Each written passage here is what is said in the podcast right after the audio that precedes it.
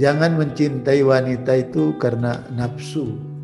Jangan mencintai wanita itu ya karena keturunan bangsawan, bukan begitu. Jadi kita mencintai wanita karena karena Allah. Ya menikahlah dengan orang yang kau cintai.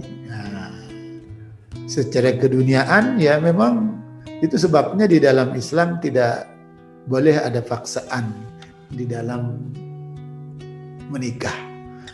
Baik paksaan itu datang dari ya orang tua sendiri tidak boleh.